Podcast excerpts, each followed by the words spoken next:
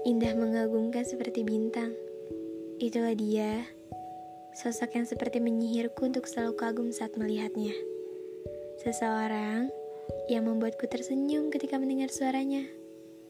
Aku seperti ingin selalu mengejar dirinya agar selalu bersamanya.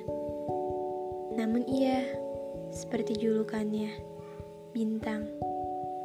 Dia jauh dan sulit sekali untuk digapai. Ada satu hal lagi yang penting. Walaupun aku mengejarnya sejauh langit dan bumi, aku tidak akan pernah mendapatkannya.